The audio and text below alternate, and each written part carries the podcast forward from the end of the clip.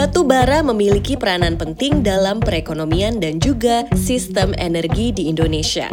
Batu bara berkontribusi secara dominan terhadap bauran energi untuk pembangkit listrik dan merupakan komoditas ekspor penyumbang pendapatan negara. Beberapa provinsi penghasil batu bara yang berada di Kalimantan dan Sumatera menjadi sangat bergantung pada produksi dan penjualan batu bara. Sebagai sumber energi yang menghasilkan emisi karbon, batu bara pun berkontribusi pada jumlah emisi karbon yang dihasilkan Indonesia. Adanya berbagai tekanan baik global dan nasional membuat Indonesia harus melakukan transisi sistem energi dari batu bara menuju sistem energi yang rendah karbon. Pengalaman internasional menunjukkan bahwa transisi batu bara membutuhkan perencanaan yang matang mengingat potensi dampak politik, sosial, dan ekonomi. Bagaimana kesiapan Indonesia untuk bertransisi dari ekonomi berbasis batu bara menuju sistem energi rendah karbon? Bersama saya Cherry Karjakusuma, Bicara Energi akan membahas soal transisi batu bara menuju perekonomian Indonesia yang hijau. Bicara energi bersama IESR episode 3 Transisi Batubara menuju perekonomian Indonesia yang hijau. Di episode ini kita bakal ngobrol-ngobrol sama peneliti IESR Deon Arinaldo yang bakal ngobrol seru sama kita seputar batubara. Kenapa batubara? Soalnya di episode pertama kita udah ngobrolin krisis iklim. Episode kedua kita ngobrolin tentang transisi energi. Episode ketiga nih benar-benar topiknya yang um, sering banget kita lihat sebetulnya di media ya, berita batubara bara tuh nggak pernah basi, selalu ada. Gimana Mas Dion, apa kabarnya nih? Baik, Mbak Cerika, kabar baik. Kabar baik. Wah, ini Mbak Cerika cukup pemerhati batu bara ya. Kayak saya rasa padahal topik batu bara kayaknya jarang yang merhatiin nih. Tadi Mbak Cerika kayaknya ngikutin terus nih tadi dari bilang ini. di soalnya di koran tuh muncul aja terutama uh, muncul aja, harganya iya. bolak-balik beritanya kan harga batu bara naik turunnya tuh kayaknya selalu dibahas di mana-mana ini pasti banyak yang pengen tahu juga nih teman-teman kita um, batu bara tuh sekarang kondisinya kayak apa sih soalnya um, gini apa batu bara tuh kan pernah jadi komoditas utama ya di Indonesia dan yeah. bisa dibilang orang Indonesia tuh cukup bangga lah punya punya batu bara nih kita. Terus um, batu bara juga memenuhi kebutuhan energi domestik, terus kita juga ekspor ke luar negeri. Bisa dibilang juga dulu tuh batu bara penyumbang pendapatan negara terbesar. Apakah ini masih relevan pernyataannya? Oke, batu bara. Iya sih kalau sekarang ngomongnya memang kelihatannya batu bara tuh kayak bisa dibilang yang seksinya lah ya komoditas seksinya uh -huh. di, uh -huh. dari Indonesia gitu. Jadi kalau ngomong Indonesia ekspornya apa? Batu bara, kelapa sawit ya dua itu. Uh Tapi sebenarnya kalau kita lihat sih uh, baru seksinya tuh baru satu dekade inilah kurang lebih mbak sebenarnya.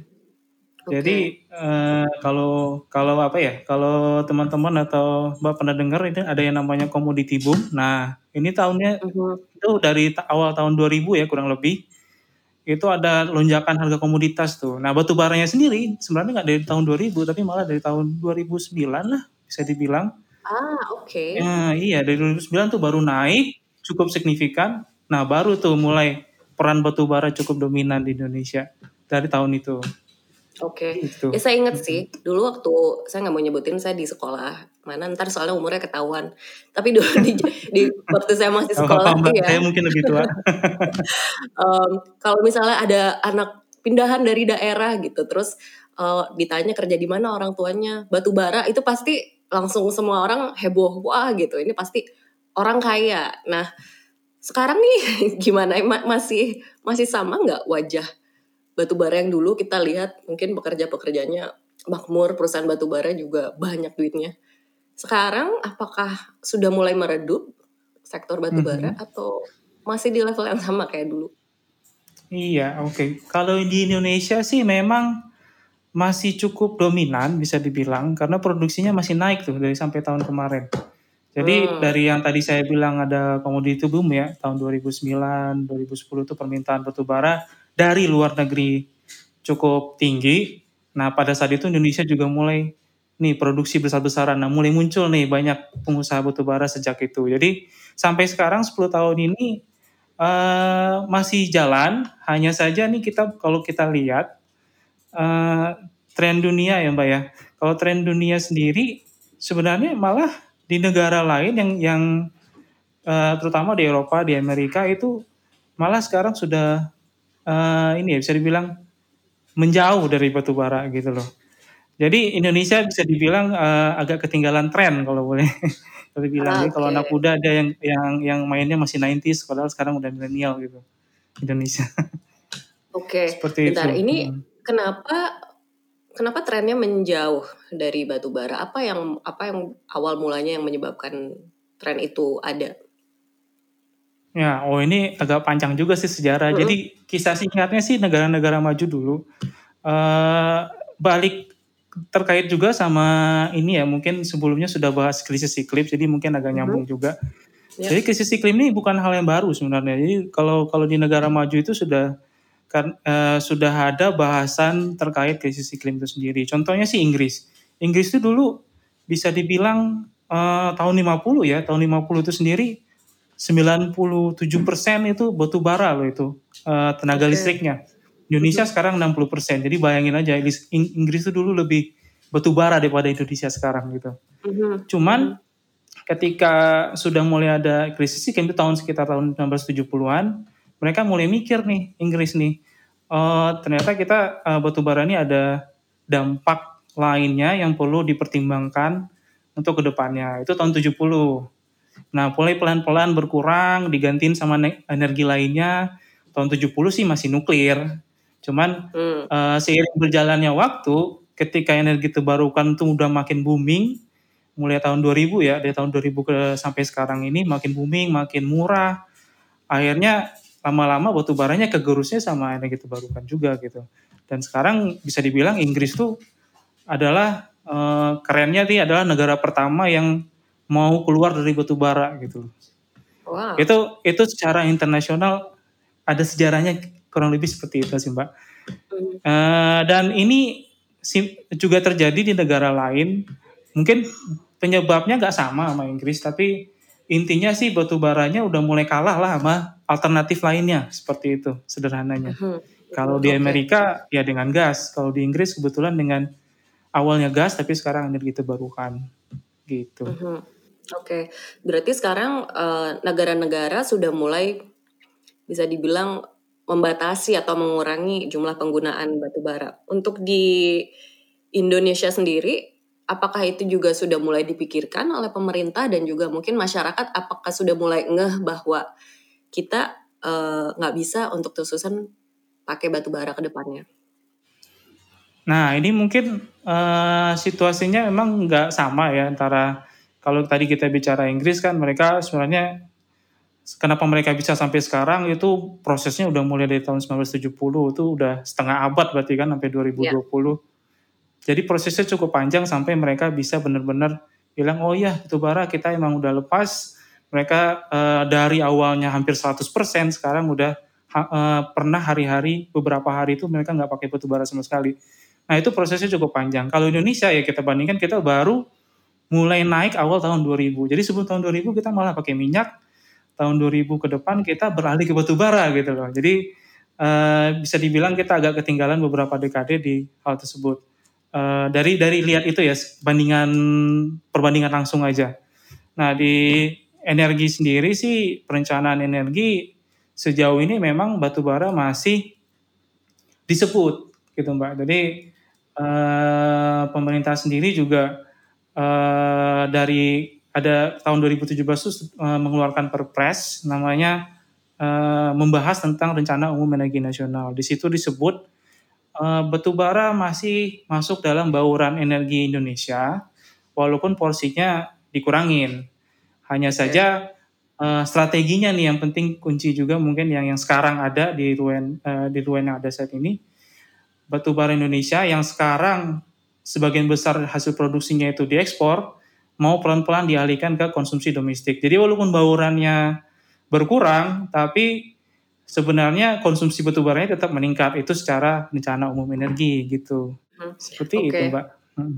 Uh, mungkin buat teman-teman yang masih agak bingung gitu, termasuk saya juga ini agak bingung. Sebenarnya apa sih bahayanya kalau kita terus-terusan pakai batu bara ke depannya? Emang se bisa ya mungkin ada istilah juga batu bara adalah energi kotor. Emang apa sih kalau misalnya kita terus-terusan make bakal kayak gimana? Oke. Uh, jadi tadi sebenarnya sudah sempat disinggung. Yang pertama ada faktor dari krisis iklim sendiri yang mungkin dampaknya bisa dibahas setelah dibahas di di sesi hmm. sebelumnya. Di satu sisi juga batu kontribusinya batu baranya. Kontribusi batu bara cukup signifikan. Jadi uh -huh. kalau dari segi emisi gas rumah kaca. Jadi kan krisis iklim kaitannya dengan jumlah emisi gas rumah kaca yang dihasilkan per energi yang dihasilkan. Nah, batu bara ini yang paling kotor. Nah, sekarang tuh kan ada istilah keren nih, clean coal technology. Nah, iya, nah iya, iya. itu pernah dengar ya kan Mbak Cerika tadi ngikutin tuh katanya. Benar-benar clean gak sih gitu kan? Nah, dari sisi uh, sebenarnya clean coal technology itu adalah pembangkit batu bara yang lebih efisien saja. Jadi ada peningkatan efisiensi, namun itu hanya dari sekitar kalau rata-rata sekarang uh, mungkin 30% efisiensinya kan, jadi naik sampai 40% sekian. Artinya clean coal teknologi itu ya masih uh, menghasilkan emisi juga gitu loh. Yang disebut clean coal ya masih emisi. Selain selain emisi gas rumah kaca tersebut yang CO2 tadi ya, batu bara kan juga kalau dibakar itu menghasilkan uh, pencemar. Jadi ada unsur pencemar lingkungan di sana. Uh, ada SOX, NOx, ada partikulat meter. Partikulat meter ini debu ya Mbak ya. Uh, dan ini ini yang yang lebih berbahaya lagi uh, ternyata karena ini berdampak pada kesehatan manusia sendiri. Hmm. Begitu. Nah, sebenarnya sih uh, kepedulian kita pada pencemar lingkungan ini, dunia pada pencemaran lingkungan ini oleh batu bara itu sendiri yang juga mendorong kenapa batu bara ini tidak tidak lagi dipakai di masa depan karena yeah. uh, ketika kita tahu oh ternyata batu bara nih bisa ini loh bisa ngeluarin debu yang mana bisa merusak paru-paru akhirnya uh, negara yang sudah tahu di di, uh, di dunia, negara di dunia yang sudah tahu mereka kayak uh, memberikan standar atau restriksi emisi yang dikeluarkan batu bara. Nah ini artinya uh, pembangkit batu baranya harus ini ya ada harus kayak ada semacam treatment lah untuk uh, gas buangnya yang mana ini nambah hmm. biaya akhirnya batu baranya sendiri jadi mahal.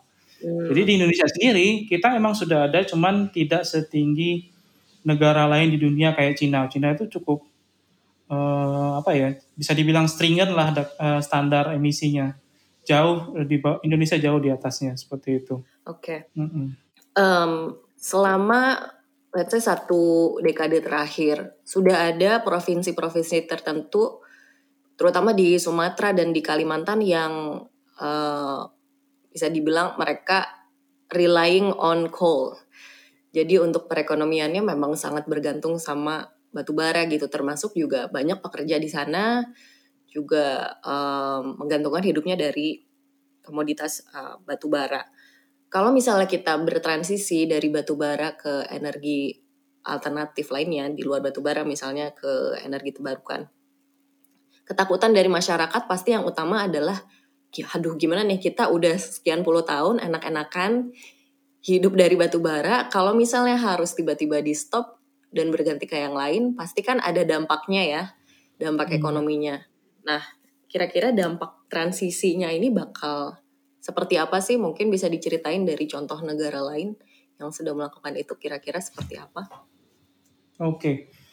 Ya tadi uh, memang batu bara ini agak ini ya sifatnya kan kita gali nih batu bara baru ketemu di bawah tanah kan dan kebetulan memang uh, cadangan batu bara ini agak terpusat di beberapa provinsi terutama di Kalimantan dan Sumatera Sumatera akibatnya ya produksi batu bara terpusat juga di sana sehingga uh, dampak ekonominya juga meningkatkan provinsi tertentu aja.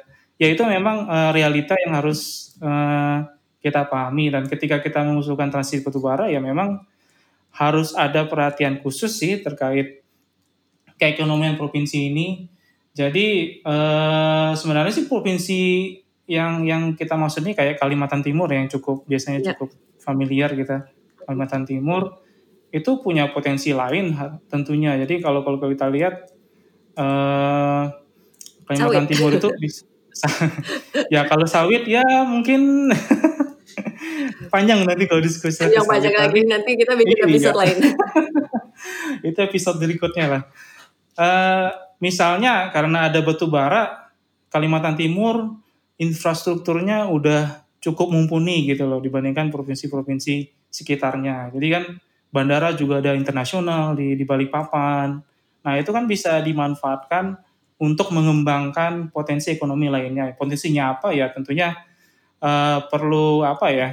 Saya juga nggak tahu juga sih harus harus uh, harus ngecek juga lagi ya. iya riset ya. lagi. Okay. Tapi tentunya ada ad, dari adanya perkembangan batu bara ini ada in, tentunya ada dampak yang harusnya uh, pertumbuhan ekonomi yang harusnya bisa mensupport untuk kita nanti keluar dari batu bara itu sendiri. Uh, idealnya seperti itu, tapi apanya memang harus harus ini nih harus orang-orang Kaltimnya, Pemda Kaltimnya sendiri yang uh, memulai diskusinya gitu loh, karena mereka sendiri yang tahu. Oh kita nih jagonya apa nih? Oh mungkin budayanya mungkin bisa diekspor lebih jauh, atau mungkin tempat wisatanya mungkin yang bisa ditonjolkan. Oh atau mungkin ada industri lain yang bisa menggantikan yang yang lebih in sama perkembangan zaman saat ini dan dan uh, potensinya ada di Kalimantan Timur. Jadi itu diskusinya bisa panjang tapi bisa harusnya bisa karena negara lain sudah ada yang menunjukkan gitu. Mm-hmm. Oke, okay. mm-hmm. itu kalau dari sisi ekonomi, kalau dari sisi uh, sumber energi sendiri, kan tadi mm-hmm. disebut bahwa di Ruel itu memang disebutkan bahwa uh, batu bara memang akan masih cukup dominan sebagai sumber mm-hmm. energi kan. Kira-kira kalau misalnya kita mau mulai phasing out batu bara, mulai mengurangi batu bara, alternatifnya yang paling realistis untuk menggantikan batu bara, hmm, saat ini atau misalnya untuk medium term apa kira-kira mm-hmm. nih Mas Deod?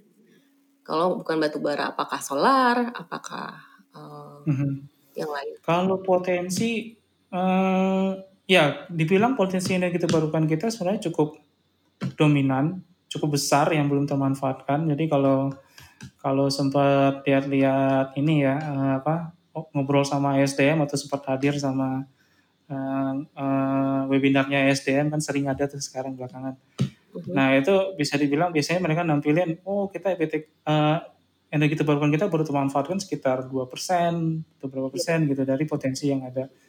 Nah kali, uh, artinya ya memang potensinya cukup besar. Kalimantan Timur sendiri, uh, Indonesia khususnya uh, namanya energi surya ya matahari kan uh, di Indonesia cukup stabil lah ya bisa dibilang dari dari Aceh sampai Papua tuh ada mataharinya ada konsisten dari jam biasanya dari jam 6 sampai jam 6 lagi 12 jam. Nah, itu bisa itu potensi yang cukup stabil di seluruh provinsi. Selain itu juga mungkin potensi lainnya kalau di Kalimantan ada sungai-sungainya mungkin bisa harus ditelusuri lagi sih. Uh, apakah bisa dimanfaatkan untuk membangkit listrik dan macam-macam lagi. Mhm.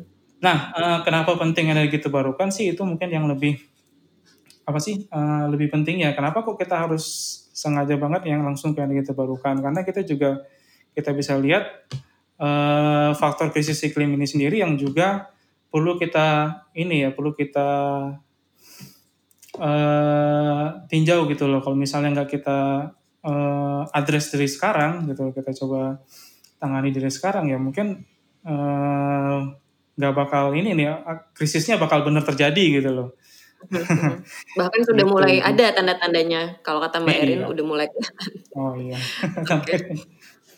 um, kalau misalnya kita lihat tadi kan diceritain di awal sedikit tentang Inggris yang sudah mulai uh, bertransisi dari uh, energi fosil dan batu bara terus jadi ke yang lain energi alternatif gitu ya. Mhm. Kira-kira ada nggak pelajaran atau pengalaman dari negara lain yang bisa kita adopsi buat Indonesia? Um, kalau memang mereka sudah melakukannya terlebih dahulu, kira-kira apa pelajaran buat Indonesia? Oke, mungkin sekarang uh, selain Inggris biar biar nggak bosan nih Inggris mulu yang dilihat. Mm-hmm. Saya coba ini deh ke Jerman ya karena baru baru-baru ini juga kan pemerintah Jerman uh, baru mengumumkan nih oh kita mau mau phase out batubara juga gitu loh. Tahun ya. tahunnya mungkin agak belakangan dari Inggris tapi mereka sudah melontarkan komitmennya sendiri. Nah, eh, pelajarannya apa sih dari Jerman? Oh, jadi kalau kita lihat eh, di Jerman sendiri mereka eh, sebelum untuk mengusulkan eh, batubara keluar dari batubara ini sendiri mereka membentuk semacam kelompok kerja lah. Kelompok kerja ini terdiri dari berbagai pemangku kepentingan yang terkait sama sektor batubara. Jadi di situ ada pemerintah tentunya, ada yang punya tambangnya, ada komunitas yang ada di sekitar tambang tersebut, perwakilannya ada ada serikat buruh juga. Nah itu mereka berkumpul, pemerintahnya uh, pemerintah Jerman ngasih tugas ke mereka, eh tolong dong dipikirin gimana sih kita kalau mau transisi batu bara ini apa yang harus dilakukan, tolong direkomendasiin. Mereka dikasih waktu enam bulan, sehingga mereka okay. rembukanlah enam bulan, mereka melakukan kunjungan ke daerah-daerah yang masih ada tambang batu baranya. Uh, dari situ mereka konsultasi dan akhirnya membuat semacam rekomendasi bersama gitu ke pemerintah. Okay. Nah, pentingnya kenapa kok penting harus dibikin ini ya apa kelompok kerja yang melibatkan semuanya karena memang dampak dari transisi ini bisa dirasakan oleh berbagai macam pemangku kepentingan itu tersendiri. Jadi jika mereka diikutkan dari awal, tentunya rekomendasi yang diusulkan mungkin akan lebih uh, mewakili satu dan tentunya akan lebih mudah diterima dan dilaksanakan oleh pemangku kepentingan tersebut ya wong ide ide mereka kan gitu ya iya. jadi masa mereka nolak sendiri gitu oke okay, dan uh, hal serupa udah mulai dilakukan di Indonesia apa belum kayak multi stakeholder dialog kan intinya hmm. apakah sudah mulai ada seperti itu untuk batu uh, untuk melakukan transisi dari batu bara sendiri uh, bisa dibilang masih minim. Uh-huh. Uh, karena kalau kita lihat sendiri sih pemerintah malah uh, sus, ini masih sesuai sama rencana umum energi sebelumnya ya bahwa yeah. pemerintah lagi coba ancang-ancang membangun semacam hilirisasi batu bara gitu loh. Uh-huh. Jadi mereka mau coba bikin oh batu bara ini dicoba digunakan untuk uh, kegunaan lainnya selain membangkitkan listrik gitu. Hanya saja ini sebenarnya kalau belajar dari Cina, Cina itu sudah melakukan hal yang sama, coba melakukan hal yang sama. Bahkan dari dua dekade sebelumnya, uh, ternyata yang namanya nama istilah kerennya hilirisasi batu bara ya. Uh, di Cina itu masih sampai sekarang masih butuh bantuan insentif dari pemerintahnya sendiri kalau mau dibangun itu uh, pabrik hilirisasinya itu sendiri. Jadi itu Cina udah udah nyoba dua dua dekade. Nah Indonesia berhasil. sendiri baru nggak berhasil karena sampai sekarang masih masih uh, butuh insentif kalau misalnya mau dibangun lagi pabrik hilirisasi berikutnya gitu. Jadi insentif yang dibutuhkan cukup banyak. Kenapa? Karena memang teknologinya masih mahal gitu. Hmm. Nah bandingkan sama energi terbarukan yang sekarang karena sudah banyak yang menggunakan secara internasional, secara global, harganya makin turun otomatis makin turun nggak kita di Indonesia nggak ngapa-ngapain pun harga energi terbarukan juga akan tetap turun karena eh, negara lain sudah mulai eh, berakselerasi nih untuk masang ya. energi terbarukan gitu. Oke. Okay. Mm -mm. Sehingga ya itu tadi harganya makin turun gitu. Mm -mm. Oke. Okay. Uh, eh, kira-kira ada lagi nggak? Uh, mungkin kalau misalnya kita sebagai ya uh, hanya bisa memperhatikan dari jauh gitu ya atau misalnya peneliti atau mahasiswa atau ya masyarakat pada hmm. umumnya lah yang mungkin hanya sekedar melihat berita tapi pengen berkontribusi kira-kira apa yang bisa kita lakukan untuk mendorong pemerintah uh, supaya mulai memikirkan atau mulai memperhatikan isu ini lebih lebih mendalam lagi. Hmm. Yang bisa dilakukan masyarakat ya mungkin kita bisa siapa pun ya mungkin bisa apa ya um, mungkin pertama harus membangun komunikasi dulu ya antara antar kita semua saling menyampaikan fakta fakta aktual kondisi Indonesia itu apa sih sebenarnya batubara karena ya bisa dibilang uh, kita sering nemu berita batubara tapi kalau kita tanya teman-teman kalau temu di jalan kan eh Bapak tahu gak sih kita produksinya berapa eh, yang kita pakai listrik yang kita pakai dari mana dari batu baranya berapa banyak itu kan nggak nggak nggak tahu kan dan mungkin juga sambil berjalannya uh, membangun knowledge tersebut juga terkait krisis iklimnya juga harus dibangun gitu loh knowledge-nya sendiri. Ya. Nah dari sana mungkin kita bisa uh, menyuarakan hal yang sama kepada pemerintah. Jadi kan kalau nggak ada demand ya dari masyarakatnya ya ya kan uh, jadi ya tetap uh, bisnis as usual jadinya gitu loh ya betul betul. Seperti itu mbak. Ya, Jadi mungkin langkah pertama ya saling berbagi aja gitu informasinya. Iya. Oke. Okay. Iya kalau saya punya pengalaman sih sedikit cerita sebelum kita closing. Uh, selama ini saya tinggal di Bandung atau di Jakarta nggak pernah tahu kan kondisi uh, pertambangan batu bara seperti apa karena jauh gitu tempatnya. Tapi pernah saya suatu hari mhm. terbang ke Kaltim itu bekas tambangnya lumayan sih bikin bikin bengong hmm. kalau kalau misalnya emang nggak pernah lihat sebelumnya pas ngeliat wah ini aset-aset yang terbengkalai itu banyak dan kita nggak pernah tahu kehidupan masyarakat yang ada di sekitar situ seperti apa kan sampai kita benar-benar hmm. ada di hmm. situ dan ya uh, gimana ya mungkin memang sudah saatnya kita untuk mulai memikirkan gimana cara transisi dan juga akselerasi proses itu tadi untuk membuat Indonesia yang lebih hijau iya. dan lebih nyaman buat kita hidup dan tinggal di situ. Gitu sih paling. Um, kayaknya mungkin sih sedikit hmm? nih Mbak terakhir.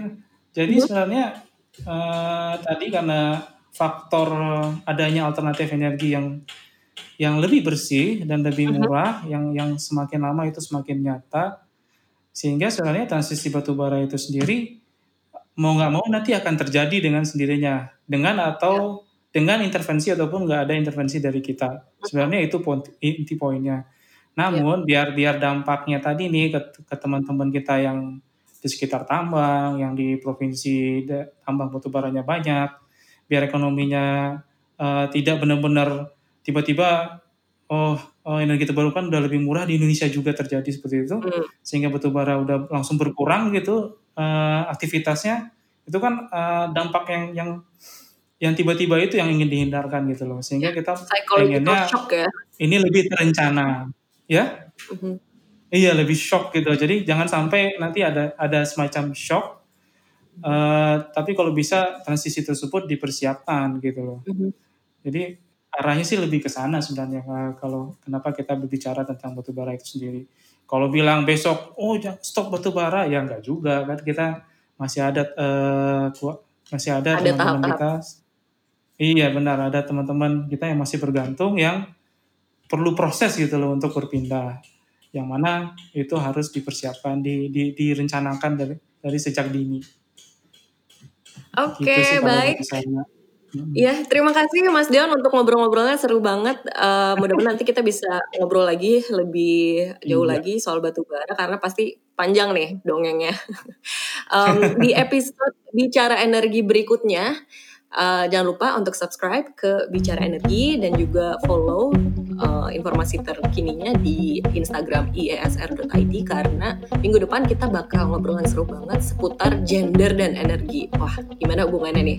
Nanti kita akan bahas lebih lanjut. Thank you Mas Dion, sampai ketemu lagi dan sampai jumpa.